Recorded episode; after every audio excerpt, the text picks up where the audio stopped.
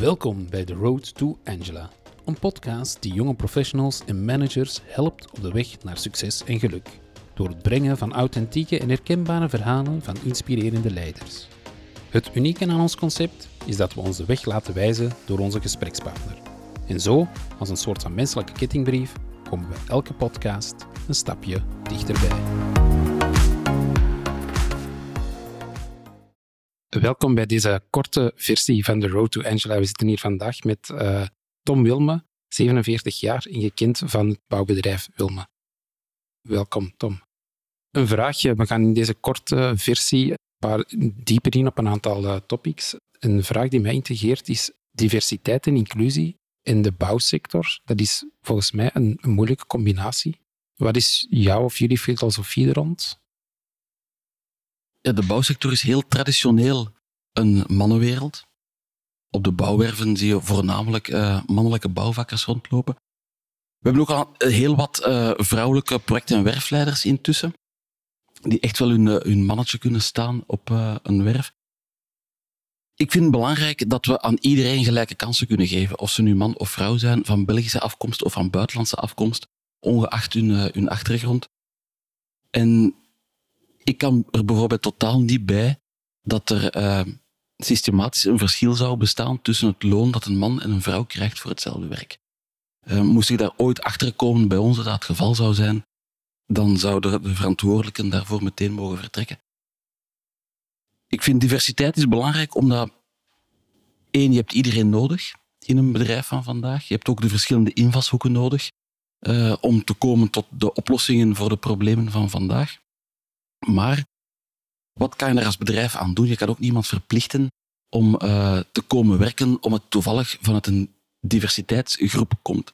Dus wij proberen vooral de drempels weg te nemen die beletten dat mensen vanuit andere uh, dan de traditionele groepen een, naar, voor een job bij ons zouden komen solliciteren. Dus waarom zijn vrouwen bijvoorbeeld minder geïnteresseerd om metser te worden? Of waarom zijn mensen van een andere afkomst, uh, vinden die de weg niet om, om te solliciteren. En daarin moeten wij trachten te zorgen om de redenen weg te nemen waarom dat, dat uh, zo is. Oké. Okay. Zeg, en Tom, heb je zo zicht op nog ja, de, de concrete acties die jullie vandaag ondernemen in dat licht? Wat zijn zo de belangrijkste uitdagingen bijvoorbeeld en wat zijn de specifieke acties die jullie ervoor ondernemen? Rond diversiteit. Ja. Eh, we trachten onze communicatie naar uh, potentiële kandidaten zo uh, neutraal mogelijk te maken, om zeker daarin geen aanleiding te geven tot, uh, tot vooringenomenheid. En ook in het bedrijf treden we heel kordaat op tegen alle vormen van discriminatie die zouden kunnen ontstaan op basis van zaken die met het, het werk niks te maken hebben. En heb je het gevoel dat als er bepaalde zaken zouden ontstaan, dat die ook voldoende tot bij de directie komen? Dat is altijd de uitdaging uh, om te zorgen dat, dat er een klimaat van vertrouwen is tussen de mensen, dat ze dat op zijn minst aan de vertrouwenspersoon gaan, uh, gaan melden. Ik denk dat dat systeem bij ons wel goed zit. Als wij um, elke paar jaar een uh, enquête doen bij onze mensen, zijn dat wel punten die altijd heel hoog scoren qua tevredenheid. Het feit dat, ongeacht uw, uw achtergrond, dat de mensen zich welkom en uh, thuis voelen bij ons. En dat heeft, dan zowel met geslacht, met seksuele geaardheid, met geloof, met uh, afkomst uh, te maken. En dat is toch een punt dat, dat belangrijk is, dat, dat iedereen zichzelf kan zijn in het, uh, in het bedrijf. En denk je zo in het algemeen dat de bouwsector er ook al voldoende stappen in heeft gezet, los van jullie bedrijf, maar gewoon de sector in het algemeen? Ik denk dat wel. Ik denk dat uh, zowel de sectororganisaties als vele concurrenten, uh, waar we ook vaak mee samenwerken voor soortgelijke projecten, dat iedereen wel heel grote stappen in de juiste richting heeft gezet. Nu, het ook al iets dat heel lang bezig is. Hè. Ik denk dat diversiteit de eerste keer bij mij kwam, dat dat 15 jaar geleden is, dat we daar acties rond zijn beginnen nemen. Maar het blijft ook altijd anders. Toen ging het vooral over uh, hoe kunnen we meer vrouwen in, in typische wetenschappelijke richtingen krijgen, ingenieursrichtingen krijgen. Dat dat vandaag al een heel stuk beter is. Uh, we hebben heel veel meer instroom um, van, van uh, vrouwelijke ingenieurs, wat alleen maar toe te juichen is. En nu verlegt zich dat. Uh, ik zie nu een, een, een nieuw werkvlak ontstaan bij diversiteit rond digitale geletterdheid. Jonge mensen vandaag zijn heel erg mee met alles wat dat nieuwe technologie ze krijgen, met de paplepel uh, letterlijk bijna uh, ingelepeld. Daar waar mensen die bij ons 30 jaar werken, dan nooit hebben geleerd. En die nu in hun, in hun uh, ploeg, in hun team, achterstaan tegenover die, die jonge mensen die net in het bedrijf gekomen zijn. En dus ook daar proberen we dan intern te zorgen dat zij ook mee kunnen blijven evolueren. Oké. Een tweede topic waar we heel graag eventjes op inzoomen, is het aspect van duurzaamheid. Duurzaamheid in de bouw. Ik heb gezien dat jullie in 2017 ook een van de eerste Belgische bedrijven waren om het SDG-charter van de Verenigde Naties te ondertekenen. Jullie hebben ondertussen ook een UNITAR-certificaat als SDG-pionier binnengehaald en nu ook in het champion-track daarvan ingestapt. Mijn vraag is nu van oké, waar liggen vandaag de belangrijkste uitdagingen richting effectief klimaatneutraliteit? Rond duurzaamheid worden vandaag onwaarschijnlijk veel boeken en websites volgeschreven. En het is een belangrijk punt voor onze sector. De bouwsector is verantwoordelijk voor een, belangrijk deel van de, de, de CO2-uitstoot. Maar aan de andere kant mogen we ook niet vergeten dat alle materialen die in een gebouw verwerkt worden, die blijven daar ook 20, 30, 50 jaar zitten.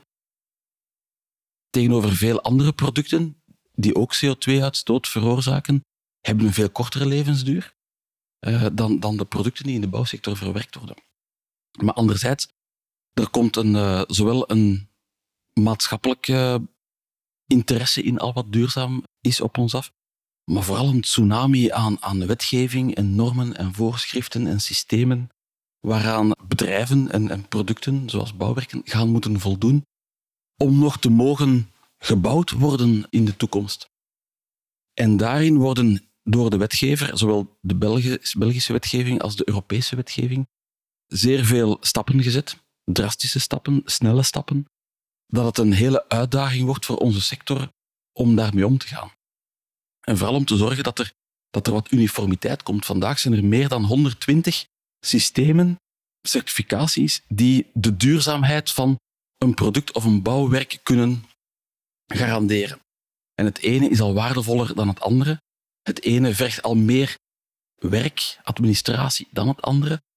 En het is belangrijk dat we zorgen dat we niet voor elke baksteen die we verleggen een andere certificatieprocedure moeten doorlopen. Want dan gaan we op den duur veel meer bezig zijn met papierwerk dan met bouwwerk. Er gebeuren heel wat initiatieven op uh, sectorvlak, die wij ook actief mee onderschrijven, om te zorgen om daar tot een, een grootste gemene deler te komen van, uh, van systemen, maar ook te zorgen dat die grootste gemene deler zo groot mogelijk is. Dat we niet een, een flauw afkooksel hebben, een, uh, dat we een greenwashing beginnen doen, dat we echt duurzaam zijn en bijdragen tot duurzaamheid. Maar dat mag niet gaan ten koste van de, de efficiëntie, winst die we hopelijk in onze sector aan het uh, maken zijn de laatste tijd en de komende jaren. Dat we dat niet terug allemaal gaan vertragen door, door uh, logge procedures om te zorgen dat een gebouw gecertificeerd raakt als, als duurzaam gebouw. En heel de taxonomie is daar een voorbeeld van. Dat is niet geschreven met de bouw in het achterhoofd, dat is geschreven met de algemene maatschappij en economie voor ogen. En we moeten zien dat onze sector daarin past. En aangezien dat elk bouwwerk een stukje een, een uniek iets is, een prototype zelfs, maakt dat je... Het is niet zo dat je een, een, een stoel fabriceert waarbij je één keer het duurzaamheidstraject moet doorlopen en dat kan je dan 10.000 keer hergebruiken. Nee, je moet dat hier per gebouw opnieuw doen. En daarom te zorgen dat, dat dat proces zo efficiënt mogelijk loopt. En dat we dan, het heeft vele gezichten, hè. het zal voor onze sector kan het, zal het een ongelooflijke opportuniteit zijn om onze maatschappij klaar te maken voor de klimaatuitdagingen van de toekomst. Denk maar aan de overstromingen die we nog een dik jaar geleden hebben gehad in, dit, in ons eigen land. Uh, het is niet alleen op uh, exotische eilanden die onder water lopen, ook hier kan het gebeuren. Heel onze infrastructuur gaat daar moeten op voorbereid worden.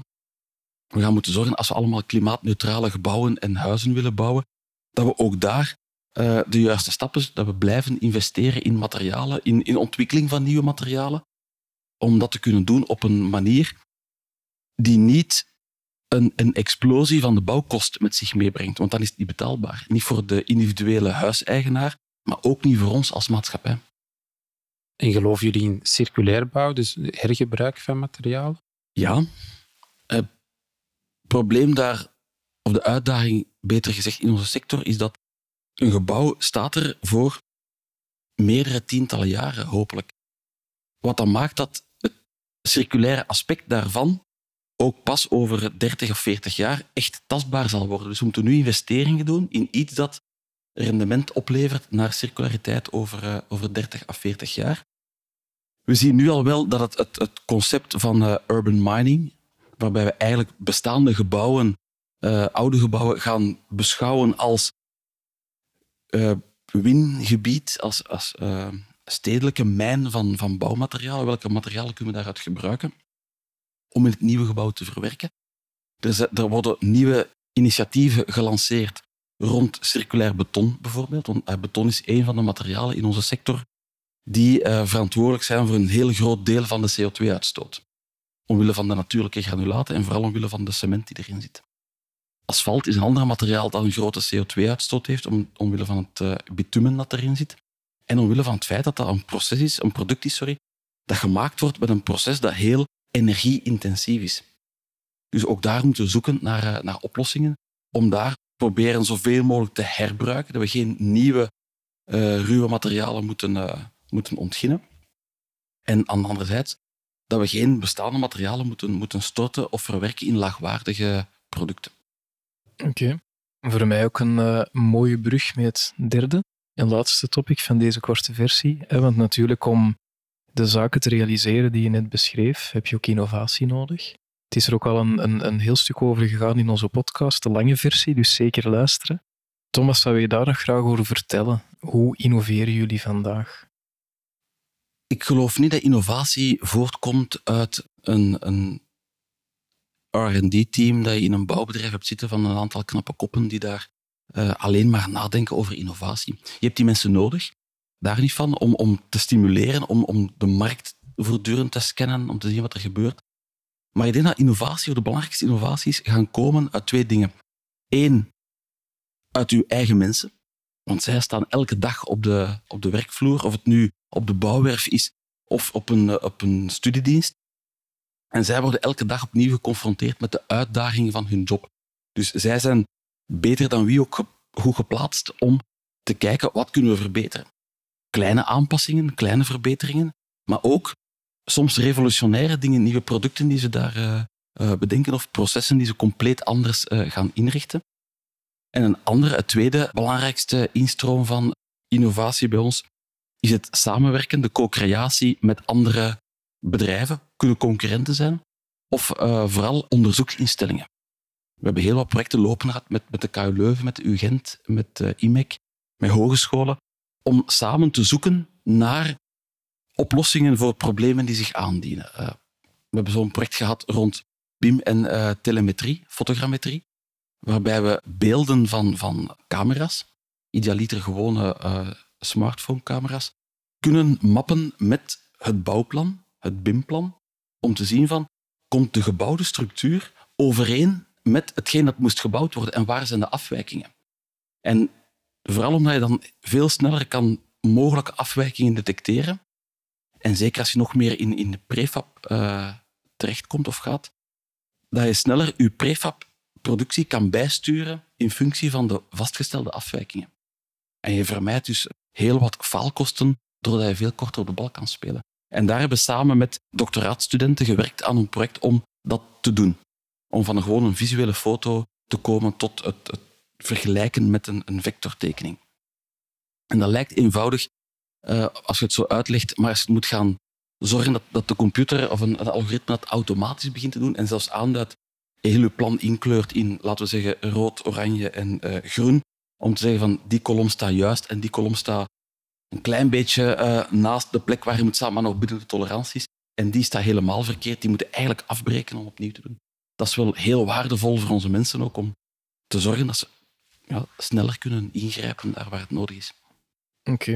Ik heb eigenlijk nog een laatste vraagje erbij in dit uh, stukje. Buildwise. Wat is dat juist en wat is de rol daarvan binnen dit stuk? Buildwise is de kerstverse naam van het uh, WTCB. Het WTCB is het, eigenlijk de collectieve onderzoeksinstelling van de bouwsector. Omdat in de jaren 50 is er een wet gekomen in België dat elk bedrijf aan R&D moet doen. Maar omdat de bouwsector een heel versnipperde sector is, heeft de wetgever toegestaan dat zij collectief onderzoek doen. En het onderzoek was in de, de eerste 60 jaar uh, hoofdzakelijk gericht op de technische aspecten, het, het, creëren van normen van, van de klassieke bouwwerken qua stabiliteit, qua, qua rechtheid en vlakheid van tegelvloeren, maar ook geëvolueerd naar bouwfysische onderzoeken. Hoe maakt een gebouw dat, dat goed geïsoleerd is, waar dat geen uh, vochtproblemen in ontstaan? Akoestiek is daarbij gekomen, ventilatie daarbij gekomen. Alles wat met, met energieprestatienormen te maken heeft, uh, is daarbij gekomen. En nu zijn we eigenlijk aan een, een volgende fase toe. Ook net om, om die technologische veranderingen die in onze sector plaatsvinden, om die nog meer te omarmen, hebben ze ook een nieuwe strategie uitgetekend. En dat gaat dan gepaard met een, een nieuw gebouw en een nieuwe naam. En om nog meer de bouwsector, de bouwbedrijven te helpen om die omslag te maken naar klassieke bouwprojectmanagementbedrijven naar uh, bedrijven die gedreven zijn door, uh, door technologie. Want technologie op de bouwwerf heeft ook een, een redelijk verregaande impact op de manier waarop dat mensen samenwerken. De manier waarop dat uw bedrijf georganiseerd is. En ook daar wil Buildwise dan stappen in Oké, top. Mooi om te zien hoeveel energie dat je krijgt van, uh, om te spreken over innovatie. Ja, dat zijn dingen die mij, die mij, al, uh, die mij persoonlijk al lang bezighouden. Ik, heb een hele grote, ik krijg een hele grote drive om dingen te, te ontdekken, te verkennen, te exploreren. En ja, in innovatie komt dat uh, meteen aan bod en te gaan kijken naar wat gebeurt er in andere sectoren, welk onderzoek of welke nieuwe technologieën heeft een IMEC bijvoorbeeld ontwikkeld en hoe kunnen wij daar gebruik van maken in onze sector. Dat zijn echt dingen die, uh, die belangrijk zijn om onze sector vooruit te helpen en die ook mij energie geven. Mm. Super. Dankjewel, Tom. Graag gedaan. Volg onze verdere avonturen in episodes via LinkedIn of theroadtoangela.be.